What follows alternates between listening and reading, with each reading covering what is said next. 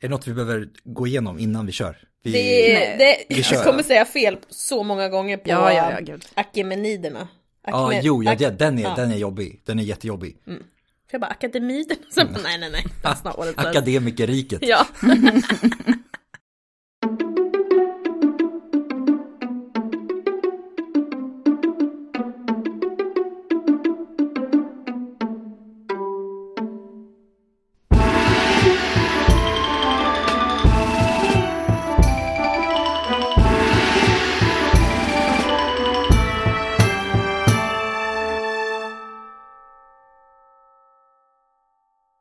Hej och välkomna till ett nytt avsnitt av Podius Castus, en podd om antiken. Vi som sitter här idag, det är jag Adam. ja, Emily. Och jag Angelica. Och dagens avsnitt kommer att handla om ingenting mindre än perserriket. Det lilla, lilla Det lilla perseriket. Ja, perserriket. Den lilla, det där lilla fienden till grekerna som alltid finns med någonstans i bakgrunden. Och just, jag ska säga det kanske först, att det här blir som snarare en sorts översikt av perseriket. Det kommer inte bli en sån här djupgående Då skulle vi sitta här i tre dagar. Ja men hjälp ja, det finns alldeles för mycket. Så att det vi gör är helt enkelt att vi fokuserar på en sorts översikt som inte vi kommer beröra i något annat avsnitt, om man säger så. Nej. För att vi tänker att perserkrigen, det är sitt avsnitt. Mm. Så det behöver vi egentligen inte. Och jag menar, har man lyssnat på avsnittet om Sparta så är perserna med ganska mycket i det, i alla fall mot slutet. Ja. Och för att inte tala om Alexander-avsnitten. Ja. Så att där ska vi säga också att vi kommer inte att snacka så mycket om, alls om Alexander. Utan vill man veta mer om det, då får man lyssna på de avsnitten. Exakt. Så vi drar väl igång. Ja, börja från början som vi... Ja, Brukar är göra. ni, vart är vi på väg? Och då ska vi börja med att konstatera då att alla årtal kommer vara före. Vår tideräkning. Exakt. Så vi säger inte det, utan vi säger bara årtalen. Så Ja. behöver vi inte slå knut på oss själva, tänker jag. Nej. Då har vi kommit överens om det. Ja, bra. Bra. Bra.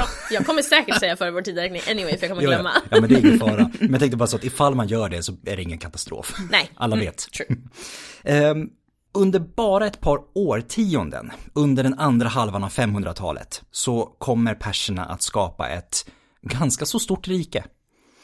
Ganska, så, ganska så stort. Det sträcker sig från Indien i öster till norra Grekland i väster och från Centralasien i norr till Egypten i söder. Enormt. Det är, väldigt, det är ganska stort.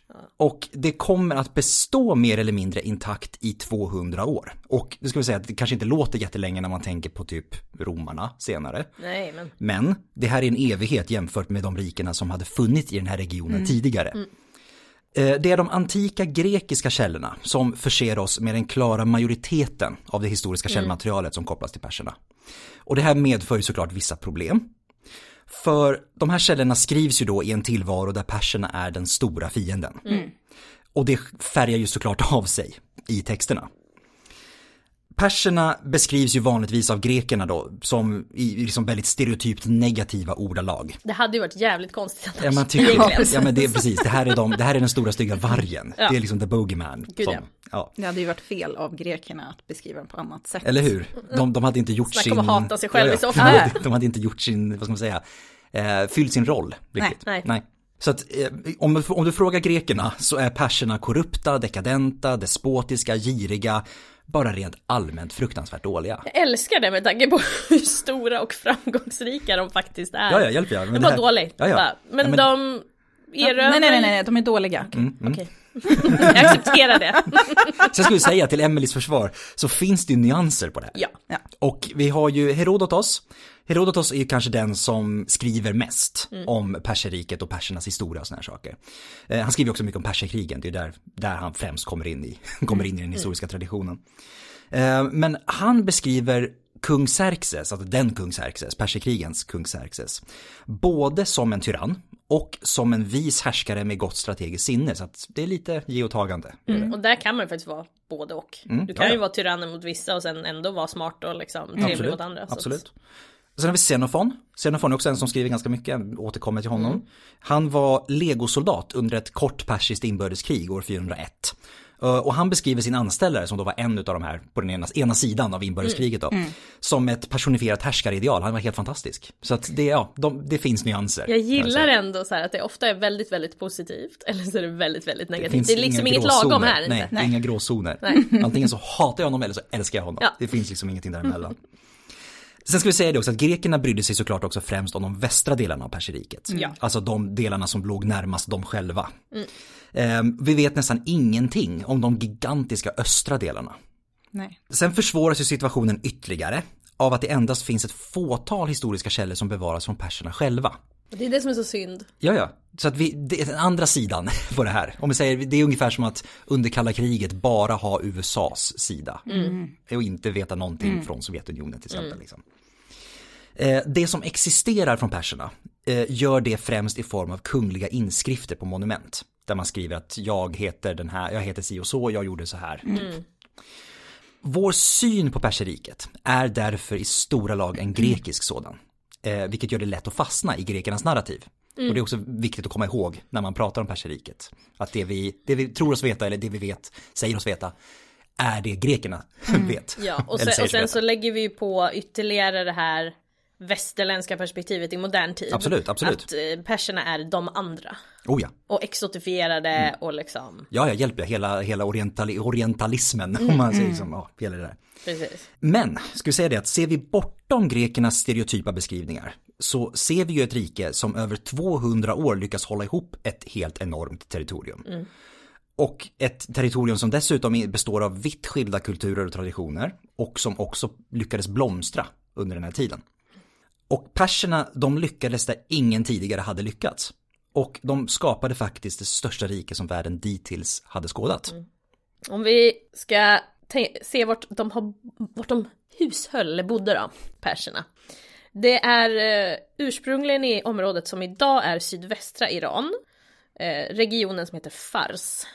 Och på fornpersiska så heter det Parsa. Och det är namnet som då identifierar perserna. Eller de som bodde i området, alltså perser. Mm, precis. Eh, från början då så hade perserna varit nomadiska och så hade de bosatt sig i området eh, ungefär år 1000. Så att de, är, då har de ändå bott där i 500 år. Ja, jag hjälper. Ja, så. ja. Och det är inte bara så att det var så här, ah, perserna och that's it. I, det här, I de här områdena, utan det är liksom x antal mäktiga riken runt omkring. Först norrut så har vi Medien.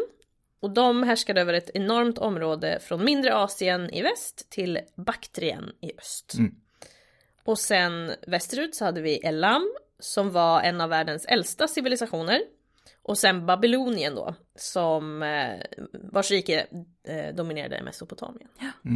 Under början av 500-talet så härskade den Akemenidiska dynastin i Persien. Oj, oj, oj, där höll jag tungan rätt i munnen hörni. Bra jobbat, jag är stolt Bra över jobbat. dig. Ja, det... Yes. Jag är också stolt. Det ska du vara. Ja, så. Det akemenidiska, eh, den akemenidiska dynastin, Nu sa du tre gånger i rad, perfekt. Ja, det är så. Så snyggt. namnet på den akemenidiska dynastin kommer från Achaemene... Du, du nailade Akemeniderna och sen bara järnfjärt. Jag skiter i Akemeniderna nu och säger bara hans namn då. Ja. Namnet kommer från Akaimenes som var en eh, mindre viktig lydkung till assyrierna och som härskade i staden Anshan i sydvästra Iran på 600-talet. Och Akemeniderna de skulle komma att bli synonyma med det som då är pers senare perserriket, men o- också kallat då Akemeniderriket. Just det. År 559 kom Kyros den andra, eh, senare kallad den store, oj, oj, oj, till makten i Anshan. Och år 553 inledde han en konflikt med det mediska riket i norr. Och bara tre år senare, år 550, så erövrade han rikets huvudstad Ekbatana. Herodotos beskriver det som att en lydkung hade störtat sin herre, medan eh, babylonska källor beskriver det som en konflikt mellan två eh, självständiga stater. Kyros och eh, Persien styrde nu över hela det mediska riket. Vilket gjorde att han också ärvde Medernas gränskonflikter med Lydien och Babylonien. Det är Så inte bara liksom guld och gröna skogar när man har erövrat ett folk, det är Nej. också så här, damn. Oj, hoppsan, de hade också fiender. Ja, Vad gör vi nu? förlängningen mina Mhm. fiender nu. Ja, Attans då. man måste upprätthålla saker också. Man Precis. kan inte bara Mhm. erövra, herregud. Lydiens kung Kroisos såg sin chans att tjäna på konflikten mellan meder och perser och eh, då gick han på offensiven. Och Kyros ledde en motattack som inte bara stoppade Kroisos då, utan som helt och hållet erövrade hans rike och gav perserna kontroll över så gott som hela mindre Asien. Och det här var år 546. Alltså jag älskar det, hade han bara hållit käften. Japp, japp, japp, japp. Det här är ju, det här är ju den Kroisos, alltså kung Krösus, Ja, som ja, säger ja. också. Den här, du vet, gick till Delphi, det, oraklet i Delphi. Och bara, om jag anfaller perserna, vad händer då? Typ så här, ja om du anfaller perserna så kommer ett stort rike och Ja. går under. Och så, ja. Ja, Ja, det är så bra. Ja, jag kör, jag kör. Jag bara, nope. Men det är också så här, då kommer ett stort rike gå under. Då är det så här, okej då såg han ju perserna som ett stort rike. Mm, mm. Eller att han bara så här ville läsa Ja, ja, in ja, men way exakt, too much into exakt, that. Ja, ja. Men sen då, i samband med att Kyros erövrat Ekbatana så trodde ju också då flera av medernas lydkungar att situationen hade ändrats. Nu fanns ju inte mederna kvar liksom. Så. Eh, och det här ledde ju då till revolter. Såklart. Och under resten av 540-talet så bedriver Kyros fälttåg i rikets östra delar då för att försöka få bukt med de här revolterna. Eh, bland annat i Baktrien och norrut mot centrala Asien, så han är liksom långt borta. Han, verkligen, det är verkligen från ena änden av riket till det andra. Sen år 540 så bröt krig ut mellan perserna och babylonierna. Och vi kan ju tänka oss att det var säkert lite mindre gränskonflikter än Ja, innan liksom. ja. Lite spänningar sådär. Vi känner, där, vi, vi känner inte till någonting exakt vad som föranleder det, men vi kan gissa oss till att det var någonting av det hållet. Jag tänker också så här, någon snodde någons tjej. jag vet inte varför I went there. Som ett jävla, som ett teenage-drama. från- men lite. Ja, ja. Ja men du vet, folk har blivit kränkta för mindre. ja, absolut. Just saying. Oh, ja, absolut, Nej absolut. men som du säger, det är säkert små konflikter och sen eskalerar någonting. ja. Någon råkar mörda fel person. Ja. Något sånt. Ja. Ja, Ja, men oroligheter föder oroligheter. jag ser men så är det ju. Ja. Eh, och bara inom ett år hade Kyros intagit Babylon och införlivat Mesopotamien i det redan väldiga perseriket. Men alltså jag känner så här. Han kan inte misslyckas. Nej men, nej, men också så här, vad, vad är det här för magisk liksom, vad, vad, what is this magic? Alltså för att du går ifrån att liksom bara, ah jag råkade ta dem, oj jag tog visst dem och nu tar de här. Hur? Det är ju helt galet. Och sen, men det tar ju slut. Han, han kan inte vinna mot ödet skulle man kunna säga. För att enligt Herodotos så dör Kyros i strid någonstans i Centralasien år 530. Men på knappt 30 år så hade han skapat det största rike som världen dittills hade skådat. Och vi pratar om Alexander den store. Ja. Alexander den store who? Aha. Alltså I'm just saying. Alexander som dessutom hade Kyros som lite sån här, han, han såg upp till Kyros. Ja. Så att, ja. Mm. Verkligen. De delade efternamn också. Alright. Nu är Kyros död. Han är efter... Long live the king. Long live the king. En tyst minut. Så att vi skulle kunna vara tysta i en minut. Ehm, han blir efterträdd av sin son Kambyses den andra. Som eh, inte var någon gröngöling utan han har varit aktiv i fälttågen i väst. Eh, och sen har han varit både kronprins och medregent redan så att det är ingen gröngöling vi har att göra med här inte. Och hans främsta prestation som kung, det skulle bli erövrandet av Egypten år 525. Och det är inte heller Det är inte litet. det är inte heller det lilla liksom.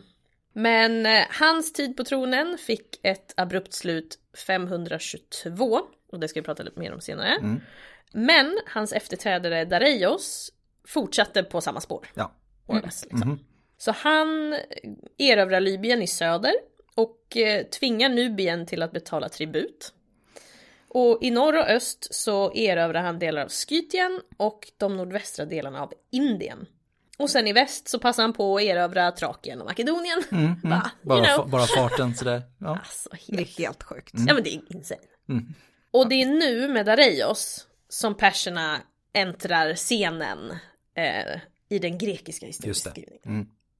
Till följd av händelserna under den joniska revolten på 490-talet så sände Dareios en straffexpedition till det grekiska fastlandet. År 490 så besegrades perserna av atenarna i slaget vid Maraton. Det kan man, om man vill veta lite mer om det så finns det, det, det finns omnämnt i avsnittet om Sparta. Erövringen av Grekland skulle sen komma att bli huvudmålet för Dareios son och efterträdare Xerxes. Eh, åtminstone enligt de grekiska författarna. Ja, ja, ja, vi är våra Ja, ja, egna såklart. huvudkaraktärer i den här Ja, storyn. ja, ja. liksom. Vem skulle inte vilja ha vårt land? Ja, men det är så roligt, han kommer från världens typ så här, största, rikaste och så har vi små grekiska stadsstater som bara ja, han vill komma och ta det vi har. Ja, Sure, och så klappa lite på huvudet känns det. lite så. det. Det är nog mer en principsak at this point än någonting annat Ja, skulle det, jag säga. ja absolut, det absolut. tror jag också. De måste visa att så här kan man inte bete sig. Nej, det är ju faktiskt det det handlar om, för vad har de att erbjuda? Ja. Ja, lite silver kanske, jag vet inte. Ja, Alltså, det det- ju, marken vill man väl Det, åt, det, är men nog bara, inte... det är nog bara, bara sakens, bara för den men det känns som det måste vara det. Ja. Men det är så Precis kul så. att man liksom så här. "Va, vill inte alla vara vi? Ja, Men det är ganska fint liksom, fint sätt att se på sig själva liksom. Så gulligt naivt på något sätt. Ja, verkligen. Eh, Under slutet av 480-talet så iscensätter perserna en omfattande invasion av Grekland som till slut stoppas i och med slagen vid Salamis och Plataea. Det är ändå impressive, måste jag Absolut, säga. oh ja. ja, ja. Xerxes misslyckande i Grekland, det blir också slutet för perserikets expansion. Det är lite grann som Teutoburgerskogen och romarna och mycket annat. Jag orkar inte mer. Nej, gränserna var liksom etablerade. Ja, det det var, fanns ingen mening. Artaxerxes, som är Xerxes son, han kommer Säg förespråka... det snabbt fem gånger. Artaxerxes, så i alla fall, det är inte lätt. Det är inte lätt. Eh, han skulle förespråka en mer indirekt metod vi hanterar grekerna på. Och det är alltså att med ekonomiska medel sponsra Atens fiender. Det är liksom lite mer kallt krig. I på sätt- love it though. Bara Han bara, ja, nej jag orkar inte själv. får- Här, ta lite pengar, håll, go. håll på. Det är lite roligt igen, lite bittert. Ja, ja, men lite. Ja, lite petty. Då ska vi säga det att det här, det svalnande intresset för expansion kan också bero på att perserna vanligtvis hade händerna fulla med att hålla ihop riket. Ja, som vi sa, det är liksom jätte... Förutom att det är så stora landytor Mm. så är det ju jättemånga olika kulturer. Mhm. Ja, Eh, och, och liksom, Som är vana att bestämma över sig själva ja, dessutom. men Ja. verkligen. För det har ju, det har inte gått lång tid. Liksom. Absolut inte, nej nej. Och uppror, det skedde ganska frekvent. Vanligtvis så var de liksom instigerade av lokala icke-persiska aristokratier som inte ville lyda under den persiska kungen. Fair enough Ja. kanske. Ja, för jag tänker så här, vanligt folk, de är så här, eh, Nej, det är ju aristokratierna som blir, Ja. det är de som blir av med makt liksom. exakt. Ja. De vanliga människorna, de fick nog inte så förändrad situation. Säkert Nej. inte. Nej. Egypten var särskilt svårt att tygla. tänka sig. Lång historia av självständighet, det, det är svårt sådär. Eh, och Egypten skulle faktiskt lyckas skaffa sig en ganska lång period av självständighet mellan år 404 och 343, alltså nästan 60 år mitt i Det är alltihopa. imponerande. Sen kommer... Sen kom de tillbaka och bara, nej, nu, nu har vi tröttnat på det här. Nu. Ja. Eh, och den persiska militären var ju självklart central för imperiebygget. För all expansion gjordes ju snabbt och med rent militära medel. Man gick in och bara tog över. Och den främsta styrkan verkar ha varit storleken på armén. Så här, här spelade faktiskt storleken roll Ja. i det här fallet. Ja. eh, och det här var en aspekt som de grekiska författarna ständigt överdrev. ja, men såklart. Såklart man gör det. För jag menar, om man vinner mot dem. Ja, ja. Ja, men de, de var flera miljoner. Aha. Mm. Sen var de ju fler då. De var fler. Men som sagt, de beskriver ju som sagt Xerxes, Xerxes?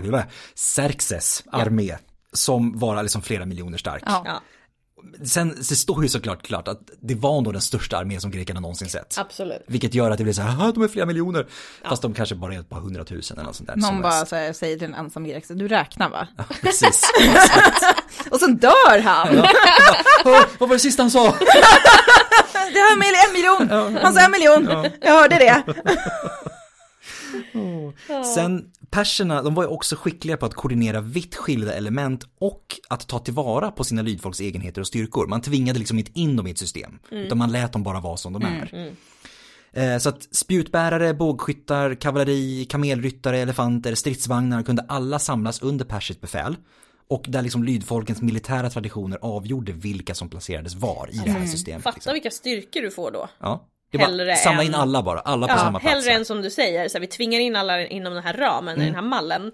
Så bara, nej. Ja, ja men istället för att liksom, liksom. romarna gör legionärer av alla liksom. Och här är det istället att, nej men, ta allt, ta bara ni, ta det ni har, bara Ja. ställ er här liksom. Och det kanske, det kanske också var det som gjorde att de gick in och bara joink, Ja, klart. bara kör över, kör över allihopa liksom. Eh, till exempel så kan vi ta som exempel, eh, det var främst fenicier, egyptier och cyprioter som utgjorde flottan. Inte så konstigt. Nej. Och perserna hade ju ingen flotta innan Kambyses erövrade Egypten för att det, de hade ju inte tillgång till havet. Nej. De var främst landbaserade liksom sådär. Och då är det smart att låta de som har en tradition av att flyta på havet, att Ja. låta, göra det. Verkligen. Den mest prestigefulla styrkan, det var de så kallade 10 000 odödliga. Oj, oj, oj. Som fungerade både som en stående armé och som kunglig livvakt. Och deras namn kommer då av att deras antal var konstant. Om någon dog så blev han direkt ersatt. Eh, Det ska också sägas att det är Herodotos namn för dem som är de odödliga, alltså Athanatoi. Eh, Och det är helt okänt vad perserna själva kallade dem. Eh, Men vi vet att de tog form av ett tungt infanteri, utrustade med spjut, svärd, sköldar och pilbågar. Så det är liksom all, vad ska man säga, allätare på något sätt.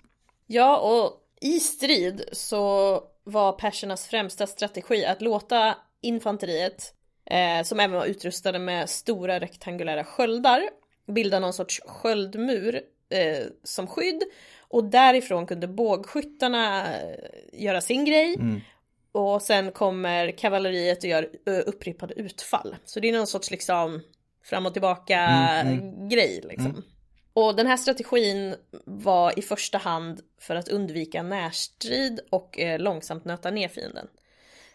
Eftersom det är så stort och så mycket så är det också en strategi som funkar bäst på öppna fält. Och med en fiende då som inte var eh, supervarierad i sitt sätt att strida. Precis. Alexander, till exempel. Ja. Så bågskytte och kavalleri är liksom centralt i det här. Och något som bidrar till, till framgång i fält är ju såklart att de har jättemycket rikedomar. Ja. För att det kostar ju enorma summor. Det har vi pratat om förut. Ehm, det, du har ju med en hel stad nästan varje gång. Du måste ju ha mat, du måste ha Oh ja. liksom allt med dig. Så att det är en del. Men sen, har du pengar kan du också anlita legosoldater. Och de här kunde man använda till att fylla de taktiska luckorna som dyker upp som inte täcks av de här andra delarna och den delen av man, armén man har. Liksom. De här lydfolken. Liksom. Och det mest kända exemplet är ju faktiskt jättemånga grekiska legosoldater Ja, ja. som då anlitas som tungt infanteri, inklusive Xenofon. Just det. Mm. Då är det okej att ta persiskt guld minsann. men vi tycker inte om dem, men. De, Show me the money. precis. Ja. Eh, Det är väl lite, lite samma sak idag. Ja, jag hjälper jag. Ja. Ja. Det har nog aldrig ändrats. Nej. Nej.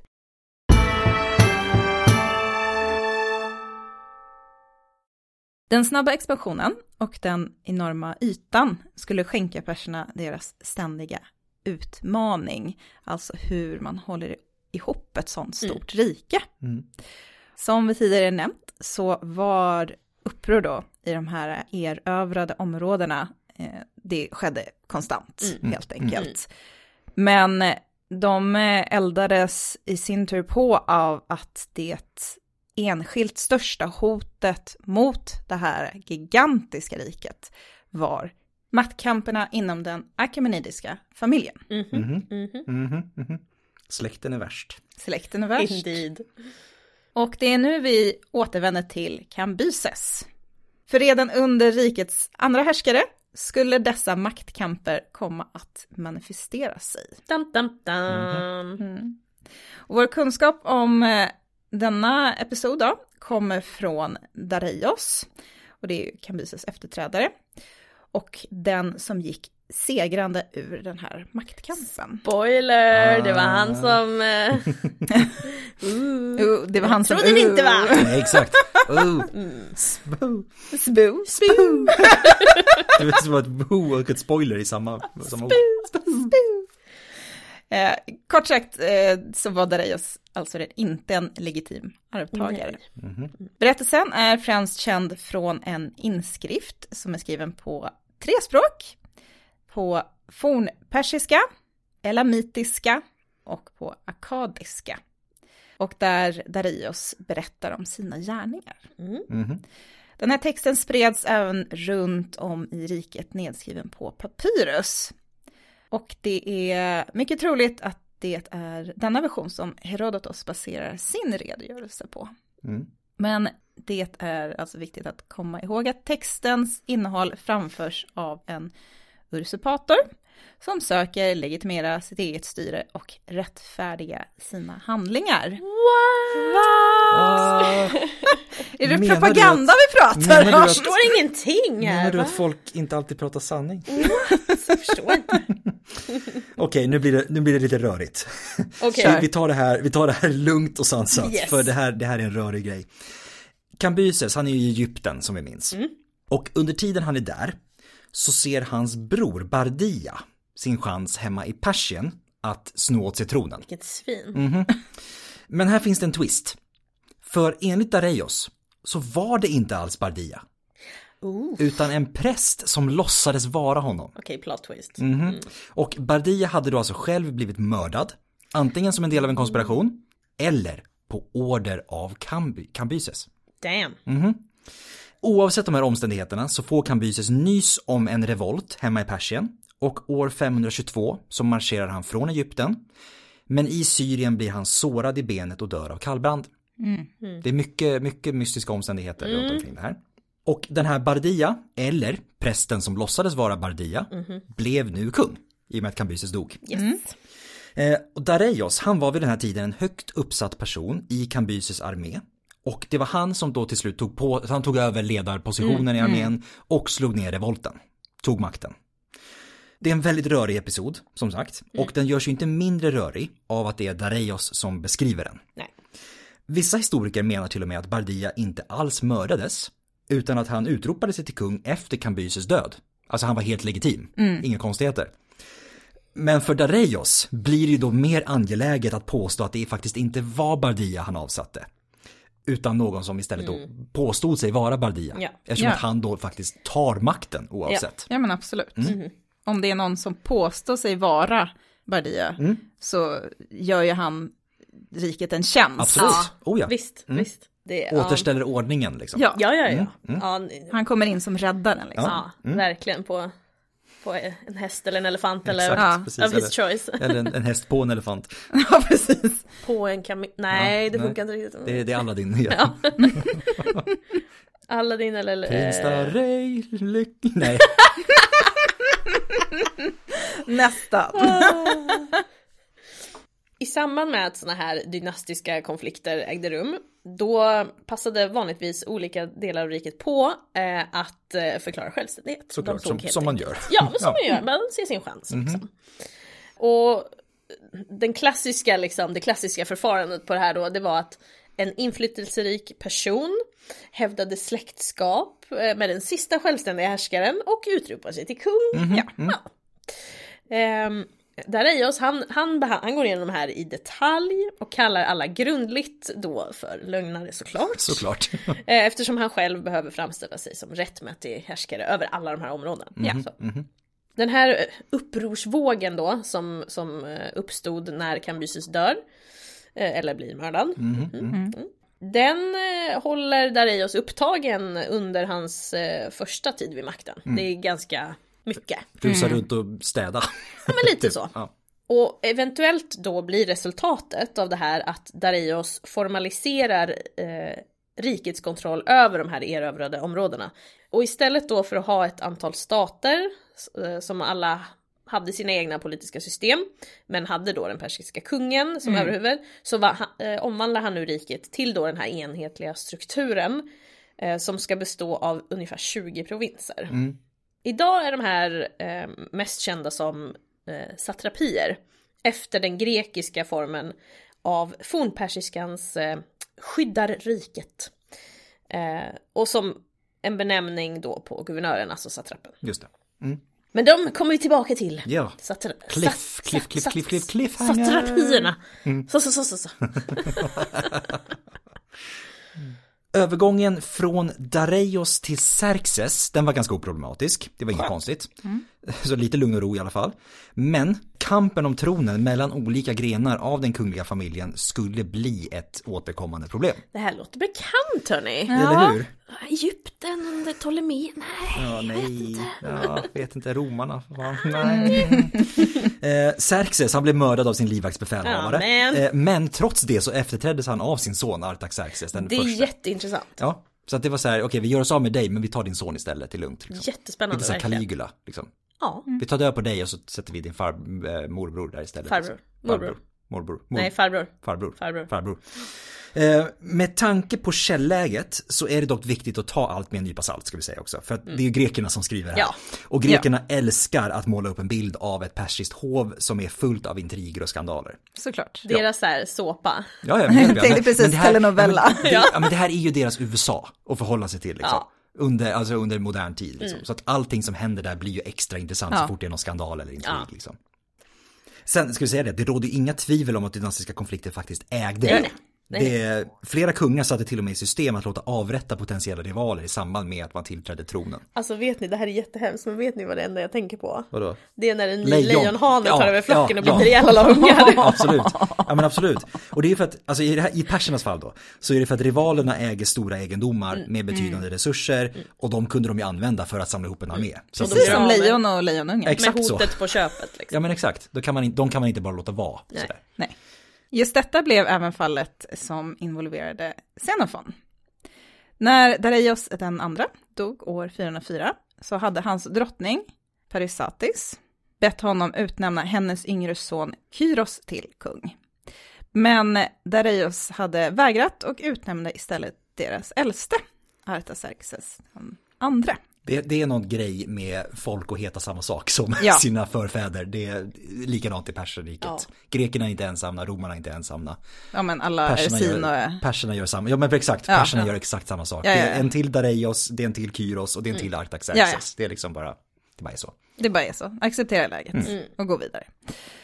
Kyros, som styrde över Lydien, drog direkt i revoltspaken. Oj, oj, oj. Kronk. Kronk. Eh, Han samlade på sig en stor armé, inklusive 10 000 grekiska legosoldater och bland dem en viss Xenofon. Mm. De marscherade sedan djupt in i riket, men möttes av Artaxerxes och den kungliga persiska armén och besegrades år 401. Grekerna, som nu då var strandade i ett fientligt territorium, de började ta sig hemåt, vilket då Xenofon redogör för i sin Anabasis. Mm. Fatta ja. den, man bara fuck. Ja, precis. Vad Dels gör är vi vi kommer inte nu få liksom? Vi är mitt i fiendeland. Ja, Mm. Åh, nu ska vi hem. ja. Det är en bra story, det är en riktigt bra story. och så sitter Xenofon där och skriver dagbok. Ja men precis. Ja, Ja. det är ganska gulligt egentligen. Ganska kul. Ja men det, det är faktiskt, det är ett av de, vad ska man säga, den, den är bra på riktigt. Den kan Ja. man läsa som en äventyrsnovell nästan. Ja. Liksom. Den är. Mm. Den fick man ju översätta när man läste antikgrekiska. det fick man. Det är som grekiskans motsvarighet till Julius Caesars, eh, eh, vet det, kriget i Gallien. Mm. Ja, men det, samma- den, är, den är ganska så här bra grekiska, alltså så här grammatiskt sett. Ja men precis, exakt. Men Dareios satrapier gjorde ju inte att de lokala upproren tog slut. Xerxes, han hade till exempel händerna fulla med uppror och dessa fortsatte även efter hans död. Det råder delade meningar, ska jag säga, bland forskare om hur stabilt perseriket egentligen var efter Xerxes död. Och igen är det grekerna som försvårar situationen. Eh, för deras narrativ är också av ett rike som är gradvist förfall. Så att i takt med att maktkamperna blir större och dekadensen vid hovet ökar så blir det bara värre och värre, du vet. Det är det här. Mm. Eh, Men, skulle jag säga det att samtidigt så fortsätter riket att vara mer eller mindre helt intakt. Ja. Eh, Och det kommer, det, vara, det kommer vara så fram till Alexander. Och det är en relativt oförändrad struktur. eh, Och med en till synes konstant överlägsenhet både ekonomiskt och militärt. Det finns ingen som kan rubba dem. Nej. Artaxerxes den andra, alltså han som går segrande ur den här maktkampen med Kyros.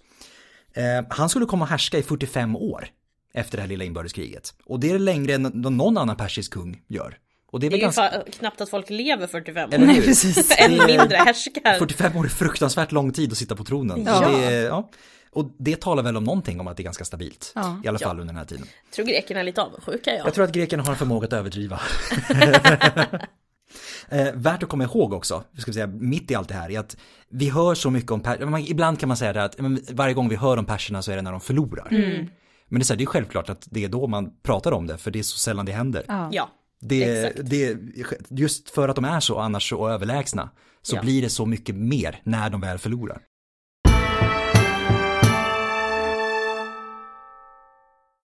så ja, det var, det var det om det, tänkte jag Ja, säga. mm. Eh, det var liksom the timeline, eller vad man ska säga. Mm. Och lite grann om maktkamper och... Ja, men lite så. Mm. Nu te- ska vi gå in på organisationen. Mm. Hur såg det ut egentligen?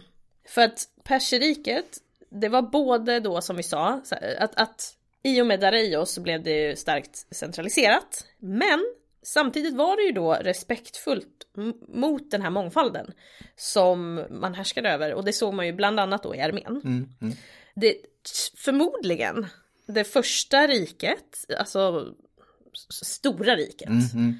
Mm. eh, som faktiskt erkänner att invånarna har olika kulturer, talar olika språk och hade olika politiska traditioner. Mm. Och eh, den tydligaste demonstrationen av den här persiska approachen, eller vad man ska säga, kommer från Persepolis som är den persiska huvudstaden i centrala Fars. Mm. Så in, om vi går tillbaka till Kyros då. Mm. Innan han erövrar Babylonien så hade perserna inga större städer eller någon typ av tradition gäll- gällande monumental arkitektur. Mm. Men i och med att vi skapar ett helt nytt rike här så kommer vi behöva både administrativa och ceremoniella centra för att hålla ihop det här. Mhm. Så Kyros låter helt enkelt, eh, ja helt enkelt, Mm. Mm. eh, bygga den första persiska huvudstaden vid Pasargadae i centrala Fars. Fun fact om Passagadai är att stadens trädgårdar kallades paradeisos av grekerna. Och det är också ursprunget till vårt ord paradis. Trädgårdar skulle ju också överlag komma att bli en väldigt viktig del av den persiska arkitekturen och stadsplaneringen. Så det var Dareios som flyttar huvudstaden drygt fyra mil söderut till Persepolis som börjar byggas omkring 518. Staden blir faktiskt ett av rikets viktigaste administrativa centra, men förstörs typ i sin helhet av Alexander sen. Ja, vi har nästan ingenting kvar av stan. Nej. I mitten av Persepolis stod en stor plattform, var på 450 gånger 300 meter. Det är väldigt stort. Det är väldigt stort, på vilket det fanns flera palats, audienshallar och skattkammare. Och eh, detta komplex hade främst en ceremoniell funktion med koppling till inhämtandet av tribut från provinserna. Längs med plattformens sidor så löpte det eh, reliefer som föreställde långa processioner eh, i vilka personer då för fram tribut från sina hemländer. Och då är, finns det exempelvis bakterier med eh, kärl, hudar och en kamel, araber med dräkter och en dromedar, nubier med elefantbetar och en giraff etc. Det var Coolt! Ja, eller hur? Och grupperna går tydligt att åtskilja på, alltså de har olika kläder, hårstilar och utrustning. Det är ju väldigt coolt också för att det, det, då kan man liksom se hur de folken alltså porträtteras Och, och eventuellt då eh, såg ut och levde Just det. och så här. Ja, för det här är ju inte nödvändigtvis folk som själva har den här traditionen av arkitektur Nej. på det Nej. sättet. Reliefkonst och så grejer liksom. Exakt, så det är det som är så coolt också med antiken att man så här, man, man hämtar sådana saker som, ja, fr- från andra kulturer och liksom, ja ah, men okej de här porträtterar de på det här viset så kan de faktiskt ha sett ut. Ja, Det är, det är stereotypa bilder men stereotypen kommer någonstans ifrån. För att man vill ju berätta någonting liksom. ja, ja. Så det är lite coolt. Det finns andra reliefer också, där man kan se kungen på sin tron, eh, uppburen av personer som i flerspråkiga inskrifter identifieras som eh, perser, meder, babylonier och assyrier. Men det är också som, som, som vi sa förut det här att det är så coolt att de erkänner alla de här. Ja, Romarna är ju mer så här, eh. Innan alla, vem vill inte bli romare typ? Exakt, precis. Ja.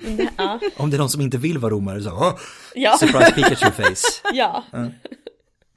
Men man kan ju säga, de gjorde ju liksom, perserna gjorde en, en poäng, Mm. en maktpoäng, att visa att deras rike hade en Mm. stor mångfald. Mm. Eh, och det, det gjorde man genom att betona olikheterna. Mm. Mm. Det är ganska Verkligen. fantastiskt. Det är Mm. så coolt Mm. och så ovanligt. Mm. Det, det viktiga var istället, istället för att alla ska se likadana ut och Mm, bete mm. sig på samma sätt, så var det viktiga att alla hörsammar till den persiska överhögheten. Mm. Och det gör man ju då genom att framföra tribut Ja. åt kungen. Liksom. Mm. Eh, det viktiga var som sagt inte att alla betedde sig på exakt samma sätt. Nej. Så länge man, ja men det är lite grann som romerska kejsarkulten. Offrar du åt kejsaren, då är det liksom, ja, men då är det okej. Ja. Mm. Ehm, och för perserna så låg makten in, i mängden, inte i enheten. Mm. Vi har ju nämnt alltså att det fanns flerspråkiga inskrifter. Den här Dareios, Dareios inskrift om eh, Kambyses död och såna här saker var ju skriven på tre språk. Eh, och perserna var flitiga användare av just flerspråkiga inskrifter. Eh, de talade själva fornpersiska. Eh, de kallade det såklart bara persiska. eh, men, och de hade heller ingen egen tradition av skrift innan man började med sina erövringar. Vilket också en del förklarar att vi inte har Så mycket skrift från dem. Ja, de har precis. ingen egen tradition av det. exakt. Och i samband med att perserna erövrade områden där det fanns skriftspråk så lät man de här bara fortsätta som de, som de var. Och man plockade själva upp dem och använde dem själva också. I Persien då, alltså själva Persien, så introducerade man kilskrift för administrationen. Medan arameiska blev en sorts lingua franca för hela riket. Och den skrev man då på pergament eller papyrus med en alfabetisk skrift. Eh, Och det här visar att det fanns centraliserande krafter, men inte i den mån att de helt utraderade lokala variationer. Och inskrifter på monument, de var nästan alltid flerspråkiga. Eh, Och det såg vi ju, ja, men som sagt, i exemplet med Dareios berättelse om Kambyses och Bardia. Eh, Ett till tydligt exempel som binder ihop allt, det är Susa, som var en viktig stad i riket Elam, som då låg väster om Persien, som vi pratade om precis i början. Vid sidan om Persepolis så etablerade också Dareios Susa som persisk huvudstad. Och det var ju för att den hade mer direkt tillgång till de västra delarna av riket. Den låg liksom precis på gränsen till Mesopotamien. När Dareios byggde ett nytt palats i staden så gjorde han en poäng av att använda material från hela riket. Det var timmer, det var guld, det var lapis lazuli, det var karneol, turkos, silver, ebenholts, elfenben. Och han såg också till att anlita arbetare och hantverkare från lite olika platser. Så det var eh, personer från Jonien, Egypten, Medien, Babylonien och så vidare. Eh, Och här i, eh, i Susa då så fanns också en monumental staty av Dareios. Utförd i egyptisk stil, men med persiska kläder. Och en inskrift skriven på fornpersiska, elamitiska och akadiska. Som också samsades med traditionella egyptiska texter skrivna med hieroglyfer. Så coolt. Mm. Perserna visar också en stor medvetenhet eh, om lokala traditioner och seder, seder. seder i de erövrade områdena.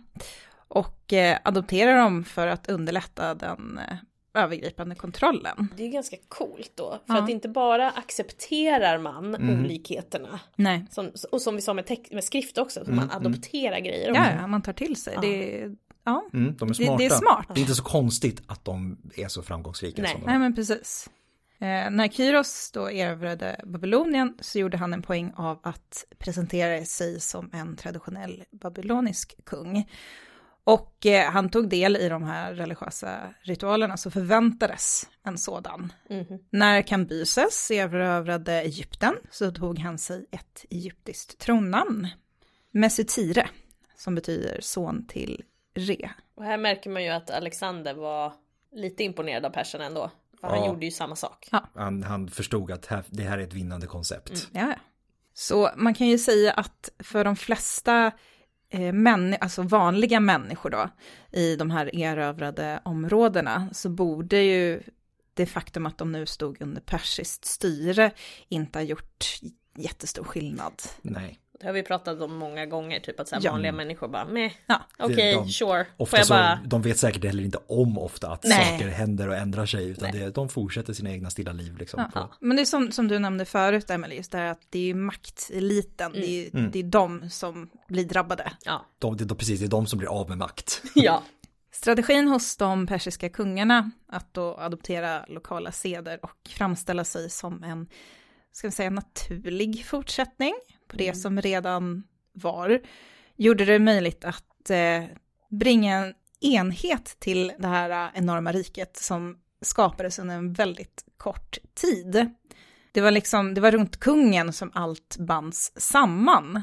Han var liksom den gemensamma mm. nämnaren från Jonien till Baktrien och från Egypten till Skytien. Mm.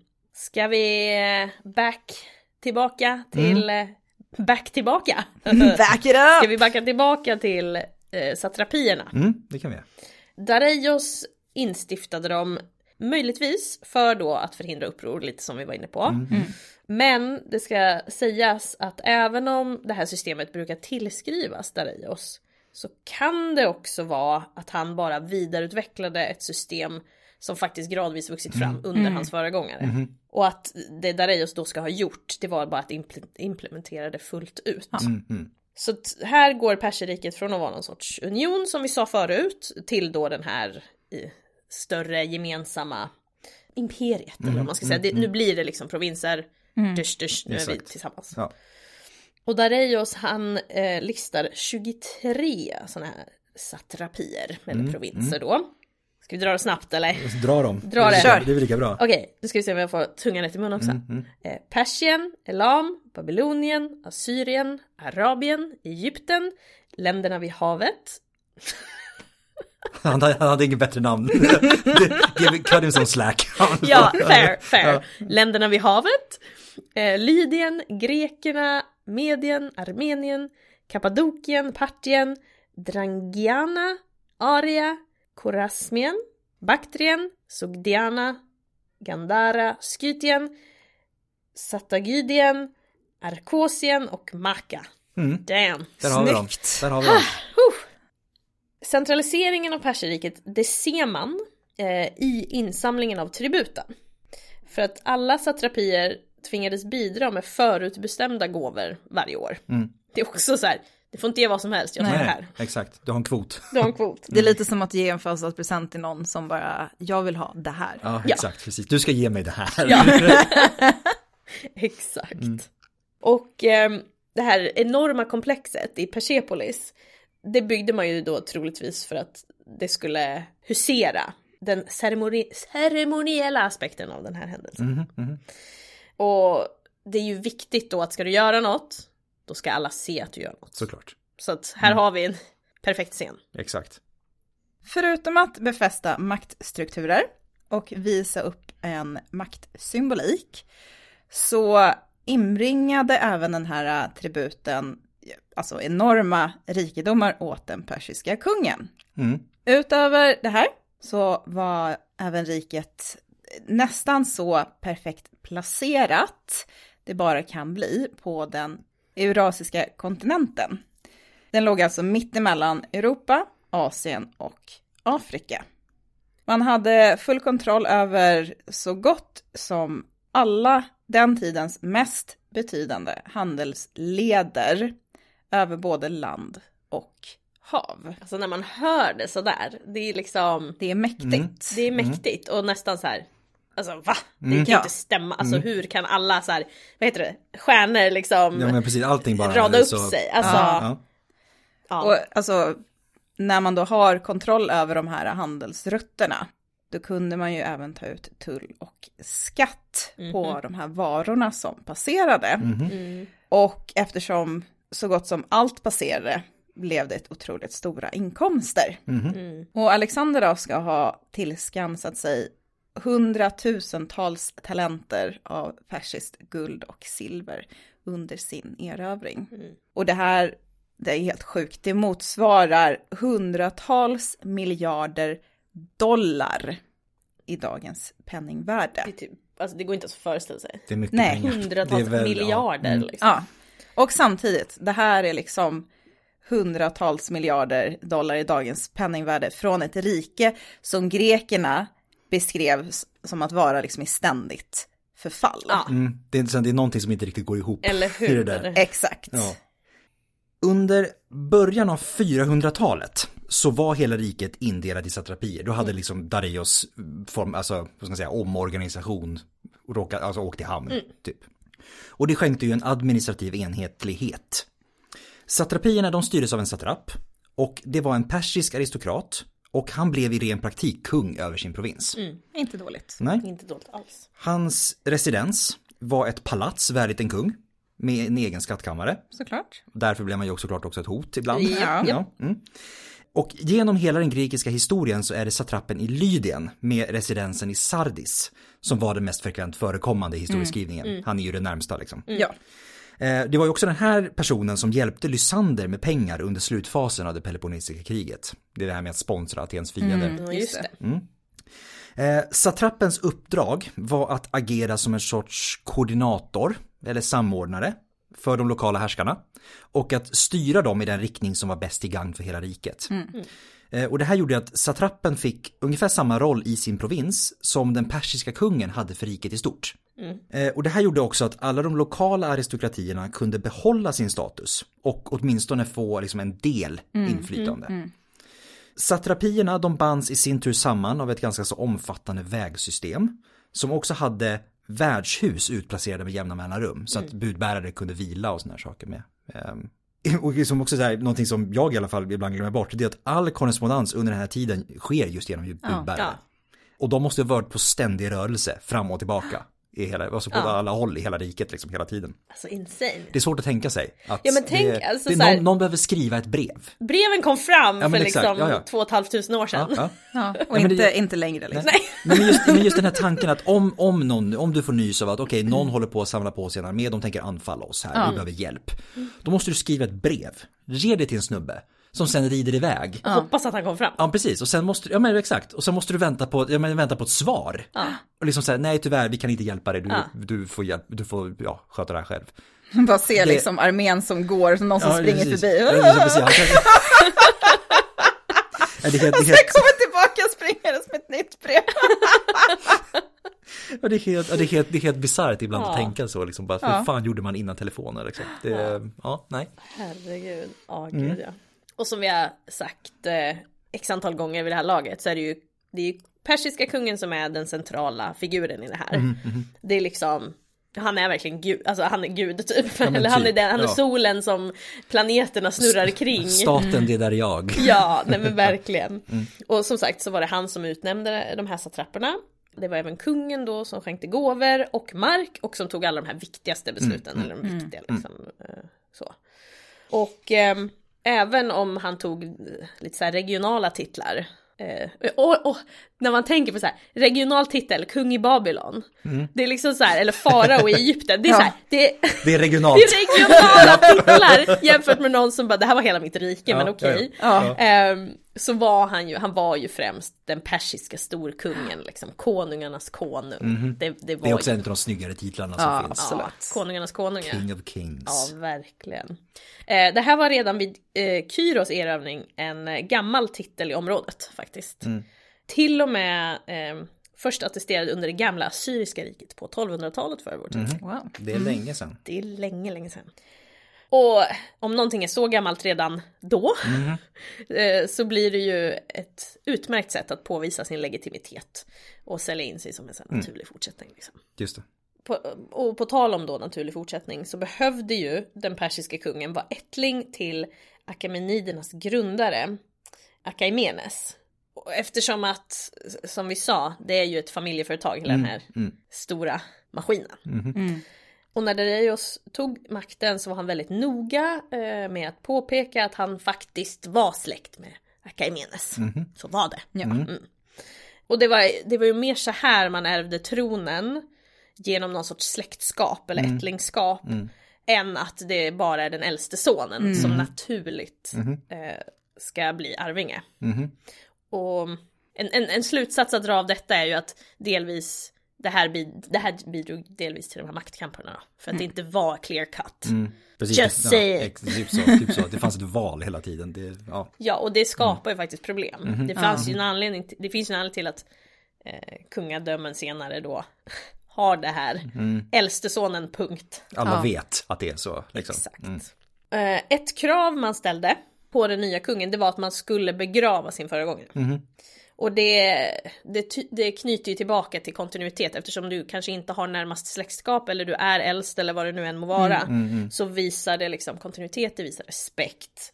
Och Alexander, han var väldigt noga med att göra det här när han hittade Dareios den tredje död. Mhm.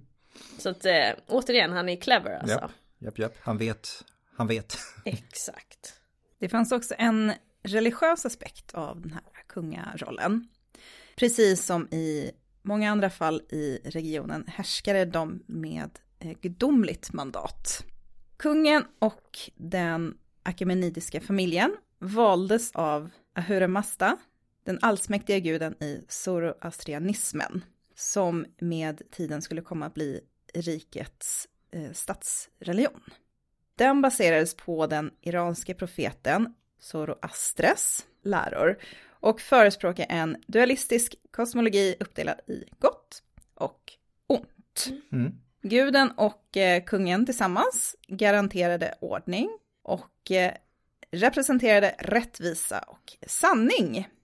Och det här är ett budskap som framkommer väldigt tydligt i kungliga inskrifter och i bildspråket. Mm. Men zoroastrianismen, den framhölls inte på bekostnad av andra kulter. Det var fortfarande en politistisk världsordning som gällde. Gillar politismen alltså. Mm. Ja, Den är Mm. så tolerant jämfört med Otroligt. monoteismen. Ja. Den, ja, men den, den sätter liksom inga gränser. Nej. Det, är väldigt, det är väldigt sympatiskt på något sätt. ja men verkligen. Eh, som exempel så hade vi ju då Kambyses som, som nu kallade sig eh, son till Re. Mhm. Eftersom han då var, ja, framställde sig som kung av Egypten. Mm. Eh, och eh, Kyros, eh, så han, han offrade åt gudarna i Babylon. Mm. Mm. I det gamla testamentet står det också att Kyros valts av Jave att återuppbygga templet i Jerusalem. Och här har vi då en bit lite persisk propaganda som smugit sig Så in. jäkla coolt. Mm, eller hur? Det är lite roligt. Ja. Ja. Han får ju också lite av en, alltså en särskild ställning i och med att judarna är ju fångenskap i Babylon. När Kyros erövrar Babylon och befriar dem. Så att då, han blir ju lite välgörare Ja. i det här. Så att det, ja, de, är, de är väldigt väl, välvilligt inställda Ja. till Kyros i alla fall. Trevligt. Mm. Eh, det, det man kan ta åt sig av det här är ju att det viktigaste var liksom att hörsamma den persiska kungen, inte att följa hans traditioner. Mm. Mm. Det var snarare viktigare för den perske, persiska kungen att följa eh, de andras traditioner. Mhm. Och eh, ja, det är väl ganska intressant förhållande liksom när man tänker efter lite. Mm. Det är faktiskt Det är det, det. Ja. det är det. Det är väldigt intressant. Och eh, as per usual, som vanligt, ehm, så vet vi inte så mycket om kvinnor i Perserriket. Nej. Och, och som vi sa, perserna skriver ju inte själva på det här viset som greker och romare gör. Och vi vet att greker och romare är inte så intresserade av kvinnor. Mm. Så, så att eh, de aspekterna har vi att röra oss med. Men eh, det lilla vi vet om kvinnor eh, är ju främst kopplat till persiska hovet såklart. Mm, Såklart. Ehm, I den kvinnliga hierarkin där så stod eh, kungens mor högst i rang. Det är också lite kul. Ja. Ja, det är jättespännande. F- Hon följs då av drottningen, alltså kungens fru, och sen kungens döttrar. Sen har vi kungens konkubiner och sen övriga hovdamer. Och kungen han gifte sig vanligtvis inom den kungliga familjen eller med en kvinna ur en persisk aristokratisk släkt. Förslagsvis en dotter till en satrap. Vilket också eh, knyter band och kanske minskar risken för någon typ av revolt Ja. också. Så absolut. Mm. Man verkar inte ha haft något förbud mot att gifta sig med släkt. Eh, Men det närmsta släktskapet som det finns bevis för det är halvsyskon. Mm. Så de är inte riktigt lika förtjusta i det som i Egypten. Nej.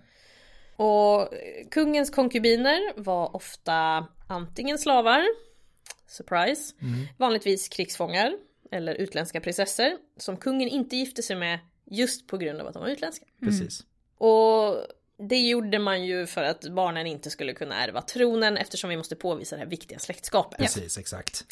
Eh, och eh, riket hade nog problem ändå. Så behöver inte ytterligare barn som Nej. kan liksom eh, blandas in här. Mhm. Grekiska källor beskriver hur de eh, persiska kungarna hade så här hundratals konkubiner åtskilda i ett harem. Eh, finns inga bevis som stödjer detta. Grekerna hade ju en tendens att överdriva som sagt. Utan snarare tvärtom så verkar hovets kvinnor, oavsett ställning, eh, faktiskt ha spenderat ganska mycket tid med kungen. Hela tiden, more or less. Till exempel vid måltider på resande fot. Eh, Herodotos beskriver sen eh, hur persiska sändebud till den makedonske kungen kräver att kvinnor skulle få vara med vid en bankett för att så var deras sed. Mm, mm. Och sen så finns det även bevis som tyder på att drottningen kunde hålla egna audienser om kungen var frånvarande.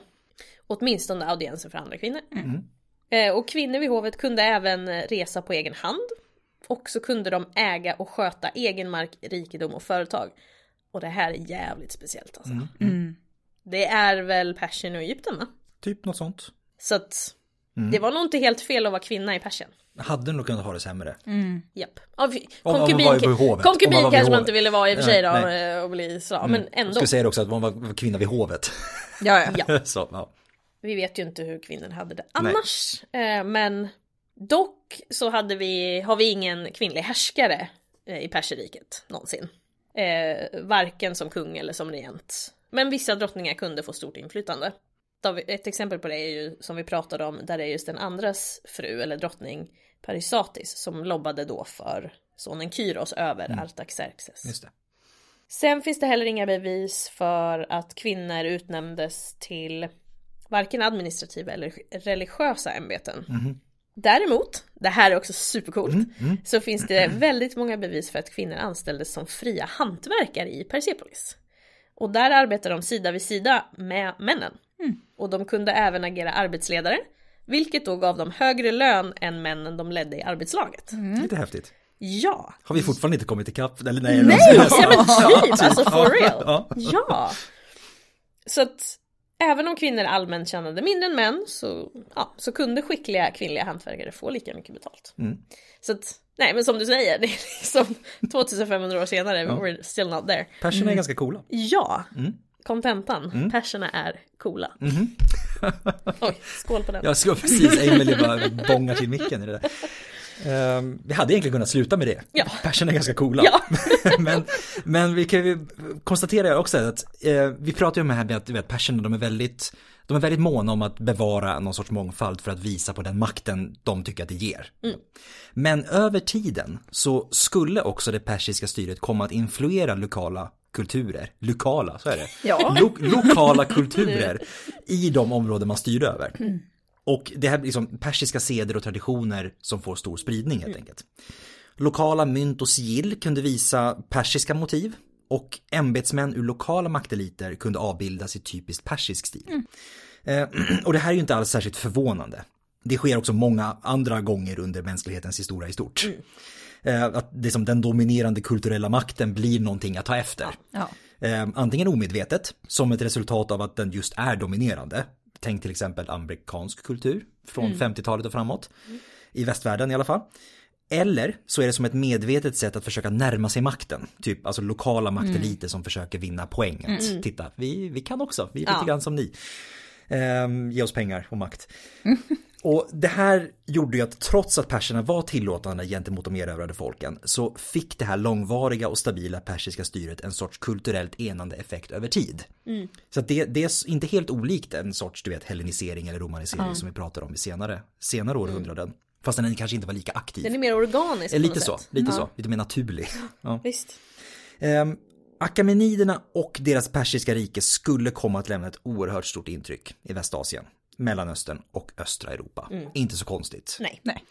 Eh, det fick ett stort inflytande över den grekiska hellenistiska perioden eh, vad gäller strukturering och administration. Eh, vilket i förlängningen sen också spiller över till romarna. Ja. Och det är inte så konstigt, Alexander erövrar perserriket. Ja. Alexander kan till och med beskrivas som den sista perserkungen. Ja, För att han, faktiskt. han, han slottar in sig på en plats och bara tar över helt enkelt. Säger att Ja. nu är det jag som bestämmer istället. Mm. Och riket är ju stort sett detsamma. Mhm. Ehm, och sen blir ju hans, hans efterträdare, de delar ju upp det riket mellan Ja. sig. Så att egentligen alla de grekiska hellenistiska kungadömena är ju i stort fortfarande persiska riket som egentligen bara är uppstyckat. Mm. Och de styr över samma, men de behåller systemet med satrapier och sådana grejer, men Mm, lite, lite same same. Verkligen. Riket skulle såklart också sätta tonen för det iranska kulturarvet i stort. Ehm, och tillika en stor del av kulturarvet i hela Mellanöstern. Och eh, genom grekerna även en betydande del av det europeiska. Skulle säga det att när helst en ny dynasti med, makt, med maktbas i Iran reste sig så var det ju Akemeniderna som var förebilden. Ja. Såklart.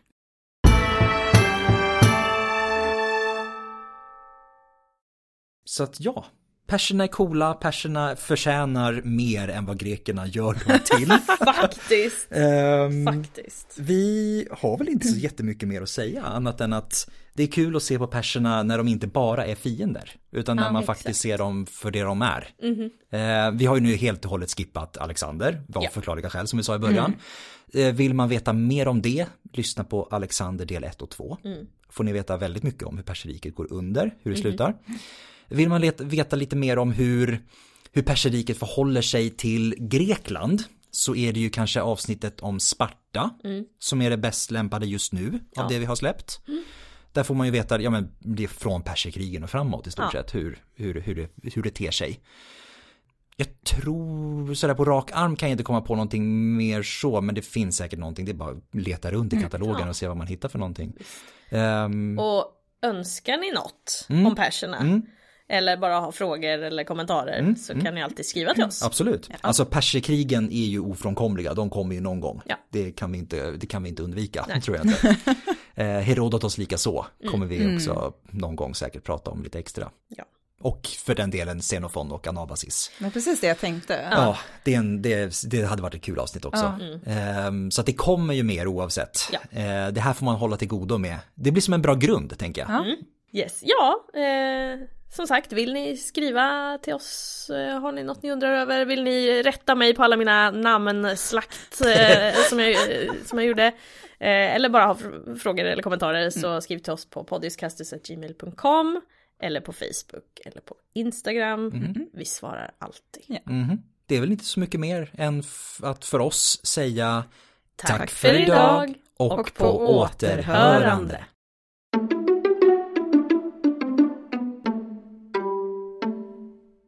Give me some enslaved moisture. Sa du enslaved moisture? Jelka vill också ha enslaved moisture. Shit, vänta jag håller på att förstöra det. Enslaved moisture. Jag kan inte, jag kan inte. Så, här, ta det innan jag tappar det. Alltså, Kan jag få som enslaved moisture? enslaved moisture.